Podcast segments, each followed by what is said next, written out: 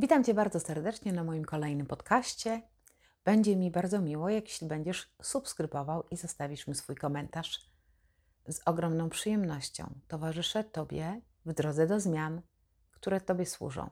Na moim kanale na YouTube NBC Find Yourself Beata Niewińska publikuję wiele materiałów, które możesz wykorzystać do samodzielnej pracy. Wszystkie inne linki do social mediów znajdziesz pod tym podcastem. A teraz zapraszam do słuchania. Dzisiaj temat, jak uwolnić się od narcyza. Odpowiem na pytanie, co zrobić, kiedy pokochałam narcyza. Narcyz to niełatwa relacja, niełatwy związek.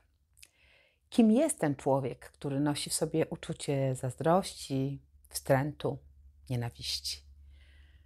Sam czy sama przyzna, że to niezła mieszanka o ogromnej destrukcyjnej sile, kiedy dotyka cię takie doświadczenie, stajesz się zupełnie kimś innym, wbrew sobie. Jak dziecko niekochane przez rodziców, pragnące miłości, które zapiera się siebie. Jak tonący brzytwy, będziesz się chwytał czy chwytała. Będziesz się starać być perfekcyjnym, dobrą żoną, mężem, matką, przyjaciółką. Wszystko zrobisz dla tej relacji. Wyjdziesz z siebie, staniesz obok Będziesz perfekcyjną panią domu. Wszystko dopniesz na ostatni guzik.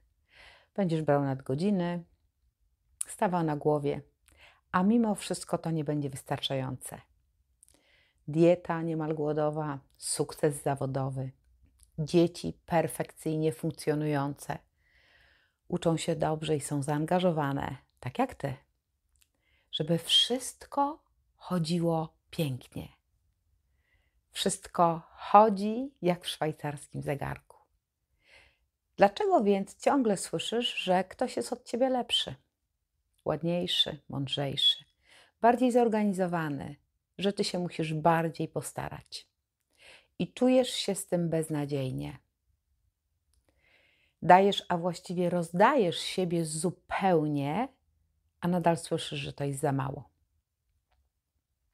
z czasem już w ogóle nie widzisz, że wcale nie musisz tego wszystkiego robić, ani tym bardziej być perfekcyjny czy perfekcyjna, ponieważ całe to uzależnienie od perfekcjonizmu jest znowu takim obszarem, w którym on przenosi oczekiwania wobec siebie na ciebie.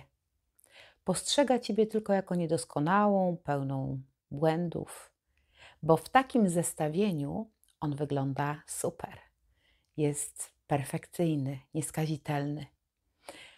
On prawdziwy, jego zdaniem ta prawda odbija się tylko w Twoim lustrze, bo on wtedy istnieje. Przetrwa tylko dzięki tej mieszance uczuć, którą żywi do Ciebie. Tak, chce być taki jak Ty, ale nie potrafi.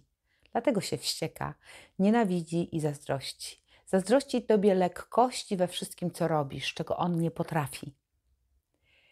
Zobacz, normalni ludzie są w stanie przyjąć jakąś odmowę, krytykę. Mogą oczywiście poczuć się trochę nieswojo, może będzie im trochę przykro, może będą zawiedzeni, ale nie reagują agresją, złośćą, złością czy groźbami, czy odwetem nawet, jak on. Badania dowodzą, że narcystycznie zaburzeni mężczyźni jest ich, większość, jest ich więcej niż kobiet. I to jest prawda, bo ma to związek z wzorcami kulturowymi, w jakich dziewczynki, czyli my i chłopcy są wychowywani. Dziewczynki od samego początku uczy się raczej uległości, żeby były bardziej służącymi, czyli grzeczna dziewczynka. To taka, która jest skromna. A chłopiec może być przebojowy, mogą być chuliganami i to kształtuje ich na człowieka sukcesu. I z tego też powodu mężczyźni mają zdecydowanie wyższą samoocenę niż kobiety. W ten sposób też taki mężczyzna jest bardziej sexy, można tak powiedzieć, bo to w nas wyrabia przekonanie, że mężczyzna może być nawet agresywny. Czasem kobiety, co jest naprawdę bardzo przykro, noszą w sobie przekonanie, że jak bije, to kocha. Bo to siła, że jemu więcej wolno. Ale tak naprawdę każda osoba, każdy z nas posiada cechy narcystyczne. Najbardziej ta, która robi oczywiście wokół siebie show i demonstruje cechy, których w ogóle nie posiada. To wszystko u niego jest na pokaz. Taka osoba wykorzystuje tylko innych w ten sposób, że je uwodzi, a potem porzuca, zupełnie nie przejmując się tym, co ty czujesz. Różnica między kobietami a mężczyznami z takim zaburzeniem narcystycznym polega na tym, że generalnie, przynajmniej tak badania pokazują, że kobiety z taką osobowością wybierają raczej mężczyzn, partnerów, którzy są słynni, bogaci. No i oczywiście muszą być przystojni. I wtedy kobieta w tej relacji przejmuje tę rolę. Ale dokładnie w taki sposób, że to ona uważa się za naj. Nie ma tam w tym związku zazdrości, ponieważ ta kobieta przekonana jest, że wszystkie jej rywalki odpadają w przedbiegach. Ona jest the best. Natomiast jeśli chodzi o mężczyzn, to oni zazwyczaj wchodzą w taką relację, wiecie, donżuana, tulipana, czyli uwodzą kobiety. Kobiety się zakochują w nich do szaleństwa. W ten sposób potwierdzają swoją moc. Ale co? Zmieniają często partnerki, dlatego że tak naprawdę w głębi siebie oni nie wierzą, że są w stanie dać kobiecie coś więcej, więc bojąc się odrzucenia, sami odchodzą. Wszyscy wiemy, że związki z narcyzami są bardzo trudne i często się rozpadają, ponieważ opierają się tylko na zewnętrznych kryteriach, więc oboje zaczynają czuć pustkę, nudę często też zmieniają partnerów, ciągle porzucają pracę, ciągle są poszukujący. No więc co zrobić? Odkryć prawdę, zauważyć, że narcyz tylko sprawia takie wrażenie, że jest pełen uroku i jest za, że jest zadowolony z życia. Druga rzecz, pracować nad oceną własną. Nikt nie zmieni się tak naprawdę wbrew swojej woli. Nawet jeśli Twój partner ma tylko cechy narcystyczne, to tak naprawdę on sam musi podjąć decyzję, że on potrzebuje pomocy, specjalistycznej pomocy. I nic nie zrobisz za kogoś, więc możesz to sobie odpuścić. Ty tylko możesz wziąć odpowiedzialność za siebie. Jeśli jesteś w takim związku i chcesz w nim wytrwać mimo wszystko, to przede wszystkim zacznij pracować nad swoim poczuciem wartości, nad swoją obiektywną oceną, samooceną. Spróbuj odkryć prawdę na jego temat. Zauważ, że on wcale nie jest taki zadowolony, na jakiego wygląda, że tak naprawdę jest przepełniony lękiem, cierpieniem i w pewnym sensie zdaje sobie sprawę, skąd pochodzi ten jego ból, smutek, bo on pamięta, jak trudne miał dzieciństwo, kiedy był niezrozumiany, kiedy był porzucony, lekceważony, kiedy krytykowano go, ośmieszano, kiedy umniejszano mu, albo wręcz odwrotnie. Wszystko było mu wolno, podane było na tacy i on wszystko mógł. Więc pokaż, że pokaż temu partnerowi, że nie tylko cechy zewnętrzne czy pozycja społeczna są dla ciebie ważne, że on wcale nie musi być pępkiem świata i nim nie jest. Jeśli on przy tobie będzie mógł zaakceptować fakt, że to jest normalne i ludzkie, że ludzie popełniają błędy, że nie jesteśmy idealni i nikt wcale taki nie musi być, że można ludzi kochać z wadami. Może wtedy oboje postaracie się o to, żeby w związku waszym nie było na przykład nudy albo zobojętnienia. Więc oboje będziecie na zmianę proponować sobie różne formy spędzania czasu we dwoje. Co jest też bardzo istotne, postaraj się jasno komunikować mu swoje potrzeby, wyrażać własne emocje, stawiać granice. Bo bardzo trudno będzie namówić narcyza, żeby porozmawiał z terapeutą, więc zrób to sama. Może wspólna praca nad sobą pozwoli Wam bardziej się zaakceptować, jak również to, żeby być razem, trzeba szukać wspólnie rozwiązań. Może on zrozumie, że są pewne rzeczy, które warto omawiać specjalistą, ze specjalistą, jak jakiś, jakaś przeszłość, która może poprawić wasze życie i waszą relację. ale to dość trudne. Najważniejsze jednak jest to, żeby w związku z narcyzem od samego początku pracować nad sobą, pracować ze swoimi emocjami, nad swoją uważnością. A jeśli to nie zadziała, to nie zostaje nic innego jak uważność i dbanie o siebie. I wtedy trzeba przyjąć i sięgnąć po takie techniki, żeby tylko chronić siebie. Znasz już wiele z nich. Ja dzisiaj tylko przypomnę. Słynny Grey Rock, szara skała, czyli wchodzenie w stan zamrożenia i obojętności. Odpowiadanie takim nieco znudzonym tonem, krótko, zdawkowo, tak, nie, zaraz, może, potem, jak chcesz. Kolejną rzeczą jest taka wyższa troszeczkę szkoła jazdy, żeby zacząć parafrazować jego wypowiedzi. Ale tylko wtedy, kiedy ty już pracujesz nad sobą i masz dobry kontakt ze swoimi emocjami, bo to naprawdę jest dużo trudniejsze. Jeśli zrozumiesz, jak ważne jest to, żeby umieć powiedzieć, żeby powiedzieć w taki sposób, żeby się nie dać wkręcić w emocje i potem działać zgodnie z tym, czego ty chcesz, czego ty potrzebujesz. Wtedy jesteś absolutnie wolna czy wolny. Nie oczekujesz już jak od normalnej relacji partnerskiej jakiegoś wspólnego załatwienia sprawy, jakiegoś rozwiązania, bo wiesz, w jakiej obecnie relacji jesteś i jesteś tego świadoma, więc nie oczekujesz niemożliwego.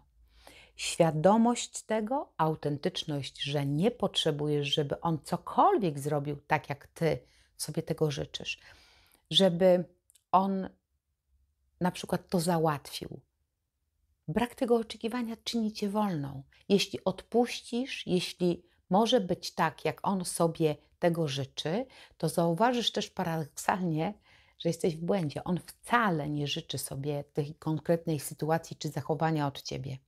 To nie jest dla niego zupełnie ważne, ponieważ dla niego nieważne jest, czemu ty sprostałaś, czy co załatwiłaś, tylko to, czemu ty nie sprostałaś albo czemu on nie sprostał. I to jest takim punktem zapalnym w dyskusji. Bardzo często zauważ, że on dalej będzie cisnął cię w temat, którego ty aktualnie nie jesteś w stanie rozwiązać. To o to właśnie mu chodzi. Jemu chodzi o pewną niezgodność, o Twoją walkę, o Twoje emocje, o, twoje, o te takie emocjonalne gierki, zagubienie, zdenerwowanie. To jest jego cel i nic więcej. O to mu chodzi. I Ty potrzebujesz o tym pamiętać, że chodzi o Twój opór Chodzi o Twoje zaskoczenie, o Twoją niezgodę, Twój ból, Twój płacz, Twój smutek. To jest atrakcyjne w jego grze. Kiedy jesteś od tego wolna, rośnie Twoja moc. Kiedy stajesz się samowystarczalną, pełną siły, cudownej świadomości, świadoma swoich niedociągnięć, błędów, które robisz i przepełniona taką miłością, życzliwością dla siebie i dla innych, jesteś wtedy poza zasięgiem i jego to wkurzy, ale przestanie się Tobą zupełnie interesować. A wtedy będziesz mogła zacząć zupełnie inne życie. Odzyskać moc własnego kreowania życia na swoich zasadach.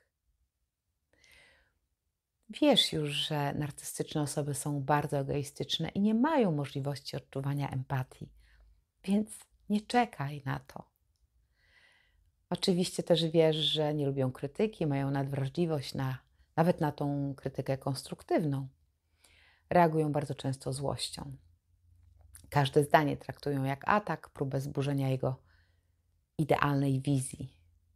Ale ty już wiesz, że pod tą maską takiego zadowolenia albo arogancji, obojętności, wewnątrz każdy z nich po prostu ma lęk. Boi się. I ten lęk jest ogromny. Boi się tego, że ktoś odkryje na przykład, że narcyz nie potrafi nawiązywać głębokich relacji, nie odczuwa empatii, czuje pustkę. Problemem jest to, że nie może wyjść poza własną osobę i tak bardzo jest skoncentrowany na sobie jego codzienną walką o tym, żeby zapomnieć, żeby to wyprzeć do nieświadomości.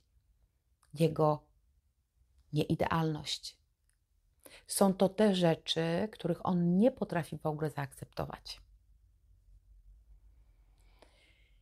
Prawdopodobnie zaburzenia narcystyczne mogą być dziedziczne.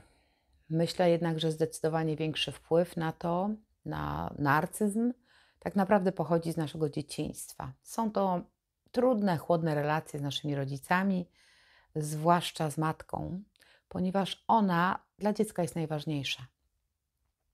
Ale ogólnie patrząc, kiedy rodzice czy opiekunowie nie interesują się wewnętrznym światem dziecka, jego potrzebami, głównie emocjonalnymi, jego przeżyciami, wtedy taka osoba bierze ten wzorzec, wzorzec relacji i taki też przenosi na swoje dorosłe życie. Ten wzorzec jako zjawisko, które jest nacechowane pustką, jakąś obojętnością, czy brakiem uczucia, brakiem czułości, bliskości. Jeśli rodzice mają nieprawidłowy wpływ na kształtowanie się dziecka, jego wiary w siebie, poczucia własnej wartości albo zaniżonej samooceny, kiedy ciągle podkreślają jego niedoskonałości, krytykują go, widzą tylko ułomności i wiecznie go szturchają, lub wtedy, kiedy je ciągle chwalą, upewniając, że jest absolutnie bez wad, idealne, a wszyscy inni w koło są głupsi, gorsi do kitu. Więc w tym pierwszym przypadku osoba taka stworzy sobie system obronny i wtedy usuwa do nieświadomości wszystko, co jej kiedyś ktoś powiedział, gdy była dzieckiem. Na przykład, kiedy wytykano, że robi jakieś błędy, że czegoś nie umie. Dlatego to wszystko, co się wydarzyło kiedyś, co było bolesne, zastępuje wyidealizowanym obrazem siebie, ale odczuwa w sobie ciągle strach, że ktoś to odkryje. Natomiast kiedy dziecko ciągle jest chwalone i wynoszone na ten piedestał, to tworzy sobie obraz samego siebie idealnego. I wtedy neguje wszystko też, co widzi, czego doświadcza. Czyli wszystkie sygnały, które by świadczyły, że tak nie jest. Zauważ, człowiek z zaburzeniem narcystycznym albo będzie dążył przez cały czas do tego, żeby zrekompensować sobie to, czego nie dostał w dzieciństwie. W ten sposób chce pokazać światu i sobie też, że na przykład nie jest wcale takim zahukanym, głupszym dzieckiem i że nikt nie będzie na nim się wyżywał i że to nieprawda, że nic nie jest wart. I wtedy stworzy na swój temat fantazję ucieknie w swoje marzenia i tworzy realne według niego obrazy siebie, o tym, jaki jest wyjątkowy, szczególny, najlepszy. Wniesie swoją samoocenę ponad normę. Podnosi to poprzez porównanie lub poprzez poniżanie w stosunku do drugiego człowieka. Ten typ wrażliwca to ten ktoś, kto nie znoci ani sprzeciwu, ani odmowy. A ten drugi z kolei podda się, będzie typem ukrytym, tym biednym, pokrzywdzonym, małym chłopcem.